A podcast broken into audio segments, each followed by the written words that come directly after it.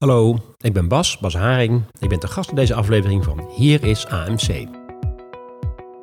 Hey, hallo, Marcel van der Kwast hier. Fijn dat je luistert naar alweer een nieuwe aflevering van mijn podcast Hier is AMC.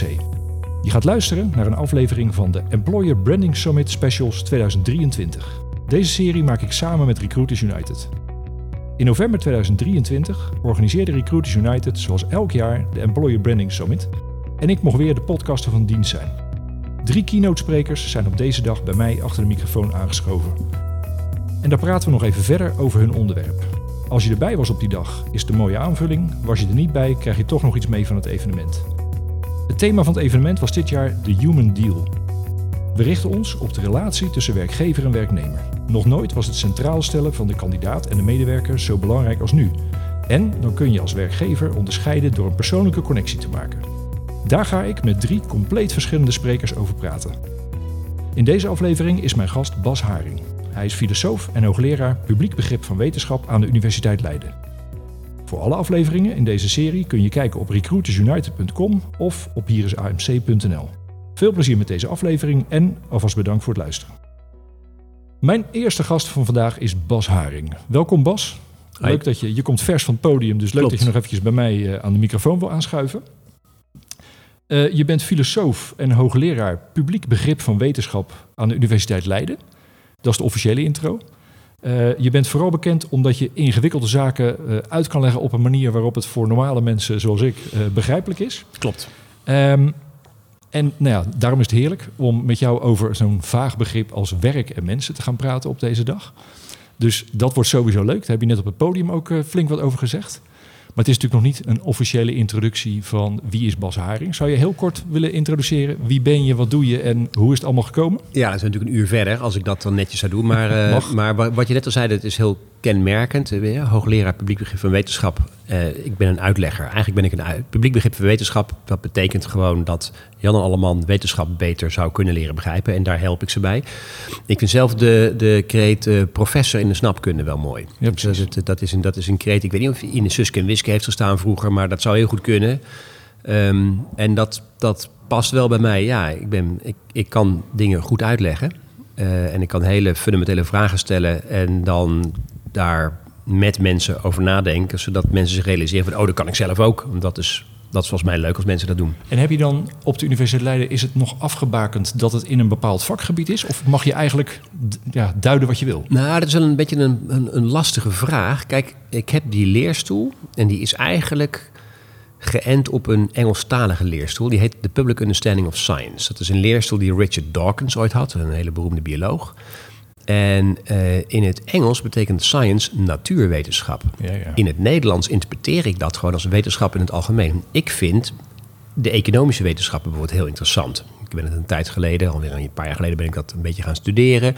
Ik doe tegenwoordig ook dingen in, eh, eh, over het e- uitleggen van de economie. Het is een beetje onduidelijk of ik dat van de universiteit mag, ja of nee. Ik vind het leuk, ik vind het relevant, ik vind het ook wetenschap. Ehm, maar ze zouden misschien het wel fijn vinden als ik me beperk tot natuurwetenschap, natuurkunde, biologie, scheikunde, dat soort dingen. Maar dat doe ik niet. En dat moet je dan nog horen als ze dat graag willen. Nou Dat, ja, want precies. ik, ik hoor wel gesputter of ik hoor geen gesputter. Ik doe het gewoon lekker. En, eh, ja. Nou, laten we naar het onderwerp van vandaag gaan. Want je bent eh, nou, employer branding, werkgevers, werknemers. eh, als filosoof. Het, het, het leuke was, wij hadden afgelopen vrijdag een kort voorgesprek. En toen was jouw eerste vraag. Ik hoop dat je nog niet aan me gaat vragen waar, waar ik het over ga hebben. Want dat weet ik nog niet. ja. Het leuke is, ik heb je net op het podium gezien. En nou ja, dat, dat, je bent ook le- letterlijk begonnen met even een paar vragen. Of een paar, nou, ja, jij noemt dat zelf naïeve vragen. Eh, de eerste vraag die jij net hebt behandeld is, ja, werk. Waar hebben we het eigenlijk over? Nou, laten we lekker op Ja. die manier ook beginnen. Nou, dat vind ik. Ik vind het, het, het tekent wel de aanpak van een filosoof, denk ik. Eh, is van wat, waar hebben we het nou eindelijk, uiteindelijk ten diepste over? En dat het helpt je. Weet je, als je een hele mooie, heldere omschrijving hebt van waar je het over hebt, dan, eh, dan geeft het houvast. En dan kun je ook weer jezelf de ruimte gunnen om er opnieuw over na Ja. te denken. Ja, precies. Dus ne- neem ons eens mee. Werk. Ja, dus voor mij Waar is werk. eh, ja, werk. Ik, ik- je kan een aantal dingen kan je, zou je kunnen nemen als antwoord. Van, nou, werken is sowieso een activiteit. Hè? Het, is, is wat je doet, werken. Eh, werken is een activiteit uitvoeren voor in ruil voor geld, zou je kunnen denken. Maar dat is geen eh, goed antwoord. Eh, omdat niet alle activiteiten die je uitvoert voor geld zijn ook per se werk. Je zou kunnen denken, nou werken, dat is een activiteit uitvoeren die niet zo leuk is. Ik kan het ook niet mee eens zijn, want sommig werk is wel leuk. Maar ook heel veel dingen die niet zo leuk zijn, die kwalificeren niet als werk. Gewoon de afwas doen is ook niet leuk, maar dat noem je geen werk. Dus wat is nou wel werk? Werk is iets doen voor een ander. En uh, dat is uiteindelijk een hele nette definitie van wat werk is. Als ik structureel de afwas ga doen, niet voor mezelf, maar ook voor mijn buren en de buren en de buren en de buren, voor de hele straat, dan wordt die activiteit uitvoeren wordt werk. Um, en dan krijg ik ook mensen wel voor betaald, anders zou ik het niet doen. En het is ook helder dat het niet, iets niet leukerigs is. Want ja, om voor de hele straat af te wassen, dat is gewoon niet heel erg leuk. Maar dat, dat is wel iets doen voor een ander. Dat is een hele nette omschrijving van wat, uh, van wat werk is. En dat klopt overigens ook met de definitie die in de economische wetenschappen wordt gehanteerd. En, uh, uh, nu zeg ik even iets wat ik zojuist niet heb verteld. Maar je hebt, als, je, als je in economie verdiept, dan krijg je steeds twee trefwoorden die heel belangrijk zijn. De ene is de L voor labor, dat is werk. En de andere is de C voor kapitaal. Dat zijn bezittingen die je hebt. En je kunt op twee legitieme manieren kun je geld verdienen in onze samenleving. Manier één is dat je de bezittingen die je hebt ter beschikking stelt aan een ander dus je hebt een, je hebt een koekjes, koekjesmachine, koekjesbakmachine. En die geef je aan iemand en die kan dan koekjes bakken en dan krijg je een deel van de koekjes terug. Weet je, dat is, dat is ja. wat je kunt doen als je kapitaal hebt. En de andere legitieme manier van geld verdienen uh, is dat je de tijd die je hebt geeft aan een ander. Dus je stelt jouw tijd ter beschikking aan de ander. En dat is werk. Werk is iets doen voor een ander. En dat, is een, dat helpt je enorm om zo uh, werk te definiëren. Ja. Uh, want het antwoord heeft consequenties voor werkgevers, voor werknemers, voor de wereld en voor, voor wat dan niet. Ja, en dan zei je ook bij van, weet je, dat, dat, je ging er net heel kort eventjes langs, er zit iets niets leukerigs, niet leukerigs aan. Op een gegeven moment wordt iets werk, dat, dat, ja. dat herken ik wel. Aan de andere kant heb je ook, uh, weet je, passie in je werk en dergelijke. Of ondernemers die, die gewoon eigenlijk ook hun werk doen. Maar dan, dan is eigenlijk de scheidslijn tussen werk en de rest van je leven, die is, die is een soort van. Dat is een stippellijn geworden. Is dat, Tuurlijk. Heeft dat daar nog invloed op? op dat is wel zo. Um, maar ik zei ook niet dat werk gedefinieerd wordt doordat het niet leuk is. Nee, werk wordt gedefinieerd doordat je het doet voor een ander. En voor veel mensen is het iets doen voor jezelf vaak leuker dan het iets doen voor ja. een ander. Niet altijd, niet voor iedereen. Er zijn mensen die het heel leuk vinden om iets te doen voor een ander. Uh, en die mensen hebben geluk, want die kunnen werk combineren met datgene wat leuk voor ze is. Maar er zijn natuurlijk heel veel werknemers in Nederland voor wie dat niet zo is. Een vuilnisman ja. zal het hartstikke leuk vinden om vuilnisman te zijn, maar niet 40 uur per week. Nee. En daar zit iets niet leukerigs aan. En dat geldt voor toch een groot deel van ja, de werkzaamheden die uitgevoerd ja. worden in Nederland. Het heeft iets niet leukers. Maar nogmaals, het definieert werk niet. Werk wordt gedefinieerd als je doet het voor een ander. Tijd uitgeven, je tijd ter beschikking stellen aan een ander. Ja, en dan is, dat schieten we een beetje door jouw presentatie van net heen. Want ik vond wat je op het laatst zei interessant van dat je dus dat je, de, dan maken we misschien al de, de slag naar de werknemer van wat kan ik, wat wil ik voor een ander doen? Ja. En ook de vraag dus daarbij van wat kan ik voor een ander doen? Met wat ik, wat ik, ja, wat ik aan, aan het studeren ben bijvoorbeeld, of wat ik moet gaan studeren om het maar nog vroeger te plaatsen. Dat... Ja, nou, dat, dat is een. Ik vind het een hele belangrijke vraag om jezelf te stellen als individu. Wat wil ik voor een ander doen en wat kan ik voor een ander doen? Wordt natuurlijk beperkt door allerlei dingen. Eén, door jezelf. Uh, sommige dingen kun je niet. Weet je wel? Als ik, als ik zou, uh, zou zeggen, nou, ik wil graag voor een ander uh, die willen kunnen verblijden met mijn vioolspel. Stel voor dat ik dat als antwoord geef en dat wil ik kunnen doen. Nou, dat kan ik niet, want ik kan geen viool spelen. Ik ga het ook nooit kunnen niet. Dus het is nou heel onhandig om dat antwoord te geven. Dus ik word beperkt door mijn eigen, door mijn eigen capaciteiten. Bovendien veranderen die capaciteiten door de tijd heen. Ik kan wel zeggen wat ik nu bijvoorbeeld goed kan, is ik kan goed nadenken. Het kan heel goed zijn dat ik over tien jaar minder goed kan nadenken. Dus als ik dat antwoord ook over tien jaar wil geven, ja, dan moet ik wel opletten van, oh jee, ik moet wel kunnen blijven nadenken. Ja. En het zou heel goed kunnen dat ik het over tien jaar niet meer kan en dan moet ik iets anders gaan doen. Misschien moet ik dan wel cv-monteur worden, daar hoef je minder bij na te denken, of warmtepompmonteur. En je moet je bewust zijn van het feit dat, je, dat de wereld verandert en datgene wat je nu doet, misschien in de toekomst gratis en voor niets op straat ligt. En dan kun je niet meer iets voor de ander betekenen door dat te doen. Ja. mensen konden vroeger iets voor een ander zijn door truien te breien. Bijvoorbeeld in, in, in Noorwegen had je husvlieden, heet dat. En dan deden mensen thuis in een truien breien. En die werden dan opgehaald en dan verkocht je ze. En dan deed je iets voor een ander. Nu heb je breimachines.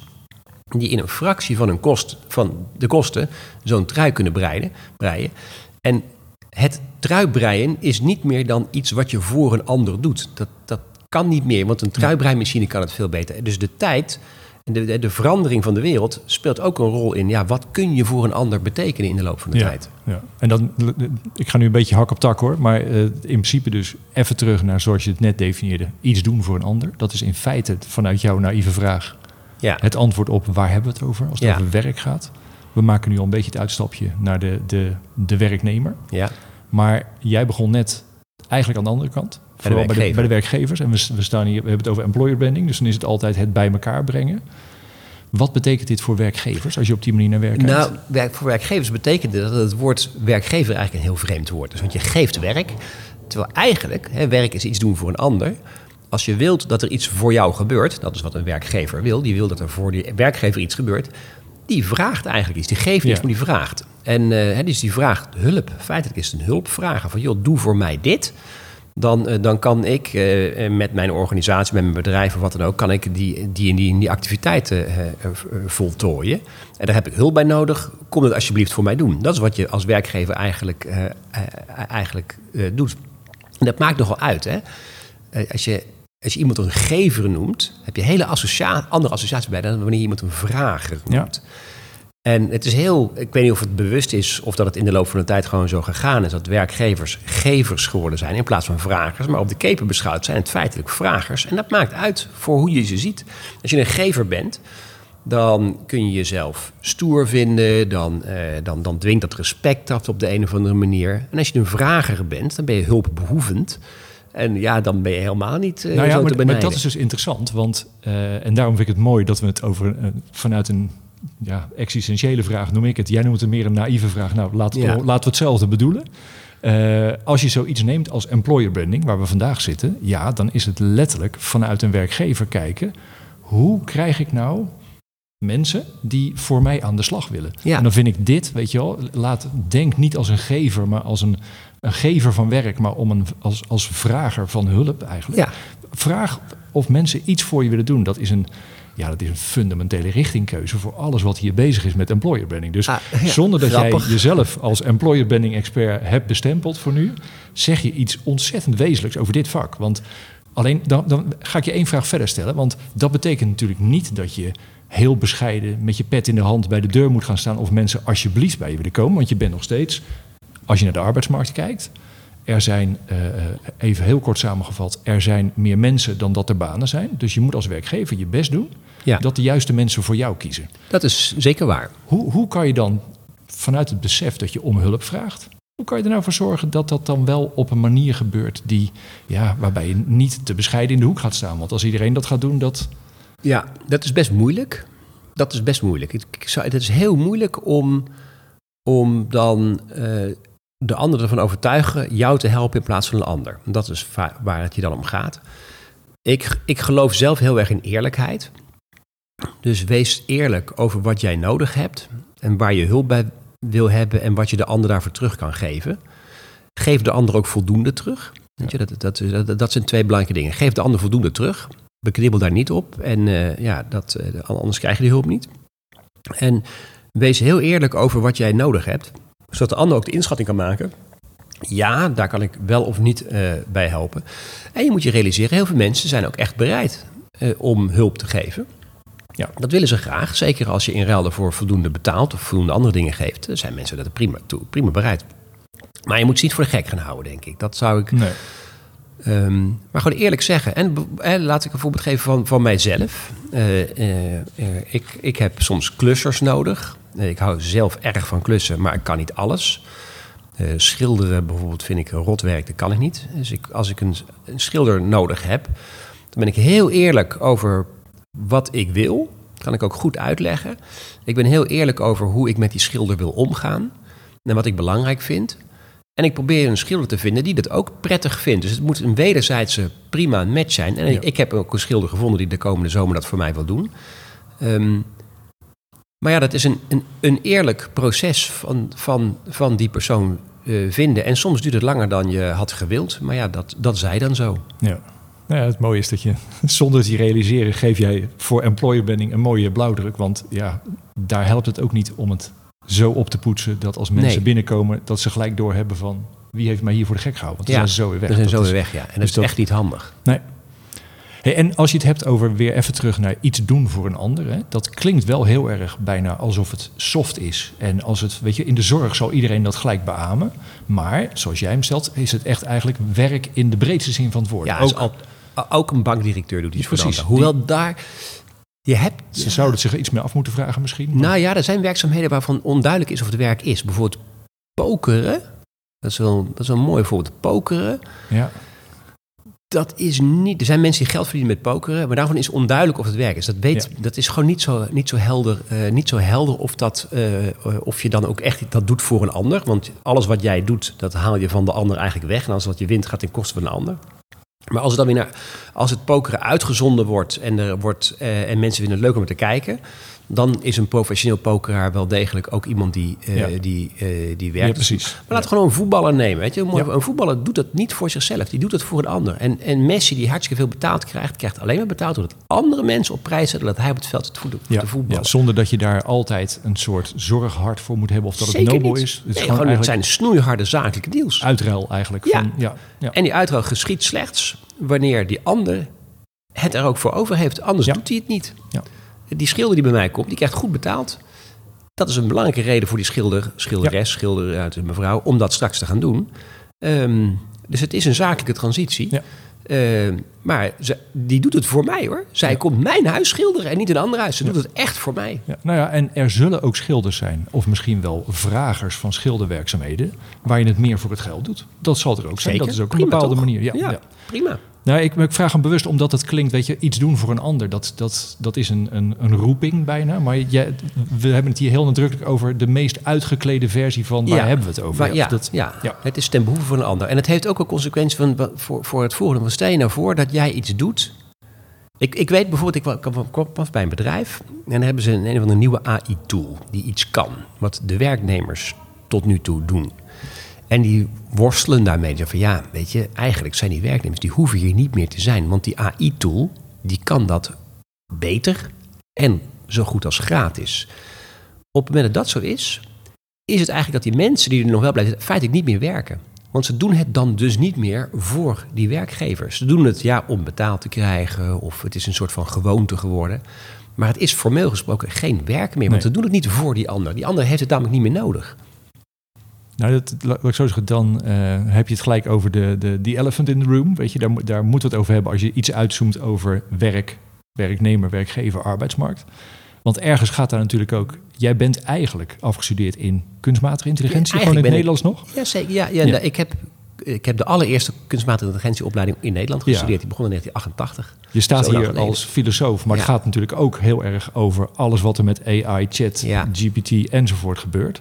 Als je daar vanuit werk, werknemers, werkgevers naar kijkt, hoe, hoe, wat, wat, wat voor rol, wat gaat daar gebeuren? Nou, ik denk eigenlijk eh, dat heel veel eh, taken die denkkracht nodig hebben, die, die, die slimheid nodig hebben, of intelligentie nodig hebben, maar niet superveel slimheid. Er zijn denktaken waar wat repetitiefs in zit. Die gaan voor een heel groot deel uitbesteed kunnen worden aan, eh, aan, aan systemen. Het schrijven van rapportjes, het maken van eenvoudige analyses, het plannen van, van, eh, van bijeenkomsten. Ehm, dat kan allemaal geautomatiseerd worden. En waar, waar, waar veel meer nadruk op gaat leggen gaat in het werk tussen mensen, is de intermenselijke eh, handelingen. Gewoon het feit dat je een schouderklopje krijgt. Weet je, dat, dat, dat is het wezenlijke van het werk van de toekomst. Niet iets uitleggen of iets, iets, iets verstandelijks doen. Nee, de gevoels, het, ge- het gevoel wat de ene mens naar de andere mens geeft... dat wordt een veel belangrijke component van werk, denk ik. Ja, en het mooie is dat je dat heel makkelijk ook uiteindelijk bij die definitie van werk weer terugbrengt. Zeker. Want, want ja, je noemde net een paar mooie voorbeelden over wat voor werk er is nu, wat je Ja. je twintig jaar geleden niet had kunnen dat is voorstellen. Vertel- hilarisch eigenlijk, vind ik. Als je daarin gaat verdiepen, wat voor beroepen bestaan er nou eigenlijk? Nu die er een tijdje geleden niet waren. Opruimcoach vind ik zelf een mooi voorbeeld van, ja... Die, ja, dat, dat, beroep kwam op een tijdje geleden. En ik ben het dus gaan volgen. Op een gegeven moment waren er twee opruimcoaches. Volgens mij zijn er nu al 500 opruimcoaches. En een opruimcoach is gewoon iemand die jou helpt je, hu je huis op te ruimen. En het is echt, dat is werk. En het is iets wat je nodig hebt. En dat kan een robot veel minder goed dan een mens. Een mens kan jou helpen je, huis op te ruimen. En wat ik het meest hilarische werk vind, is mensen die zichzelf filmen uh, als zij een computerspelletje spelen. En dat uitzenden via, via een of andere uh, streamingdienst. En het is gewoon werk. En ik weet bijna zeker dat bij de opkomst van de PC, jaren 80 was dat, hè, toen kwamen de computers kwamen in huizen, dat er geen mens op aarde was die voorspelde dat in de toekomst, het is het heden dus, uh, er mensen zouden zijn die zouden geld zouden verdienen en zouden werken door zichzelf te filmen als een computerspelletje spelen. En wat leert mij dit? Wij kunnen nu ook absoluut niet weten wat voor werk er over 35 jaar is. Het zal heel ander werk zijn, maar het is voor die mensen werk, want ze doen het voor een ander. Ja, ja, precies. En dat vind ik het mooie van hoe dat, hoe dat verhaal weer rond is. Dan ga je terug naar de vraag: wat kan ik doen? Wat wil ik doen voor die ander? Ja, dat is een vraag die gaat niet weg. En daar gaan mensen wel iets op verzinnen. Dus dat. Uh, mooi, mooi. Nou ja, dankjewel. We, we zijn mooi rond. En uh, nou, volgens mij zijn we nog redelijk binnen de tijd ook. Maar dat. Nou, uh, mooi. Dankjewel. Uh, sowieso bedankt voor de mooie spiegel die jij net de zaal hier hebt voorgehouden. Want ik vind echt, uh, ik weet zeker dat ik hier nog een aantal keer aan terug ga denken van, oh ja, hey, dat is interessant. Dus daar sowieso bedankt voor. En bedankt dat je hier nog even aanschoof. Als mensen uh, jou verder willen volgen, dan waar kunnen ze dat het best doen? Nou, Natuurlijk naar Leiden komen om bij jou... Nou, vroeger ben ik niet zo goed in. Maar als mensen contacten, dan WhatsApp. WhatsApp, dat werkt bij als een tierenleer. En gewoon basharing.com hebben we ook basharing.com ergens... is ook een website. En is het, is het nog ergens... Uh, heb, heb je nog een boek uit, recent? Of is het... Ja, over kunstmatige intelligentie. Kunstmatige okay. intelligentie is niet eng. Dat is, uh, dat is een nou, recentelijk boek. Ja, ook een mooi leuk, boodschap leuk boek. om mee af te sluiten. Dankjewel. Jo. En uh, nou, ik blijf je volgen. Jo. Tot zover deze aflevering. We hebben een serie gemaakt van drie afleveringen met verschillende sprekers van de Employer Branding Summit van dit jaar. Luister ze allemaal voor een indruk van de dag. Je vindt alle afleveringen op recruitersunited.com en op hierisamc.nl. En natuurlijk op alle plekken waar jij je podcast luistert. En natuurlijk op alle plekken waar jij je podcast luistert. Zo, die komt er niet uit. En natuurlijk op alle plekken waar jij je podcast luistert. Bedankt voor het luisteren en tot een volgende keer.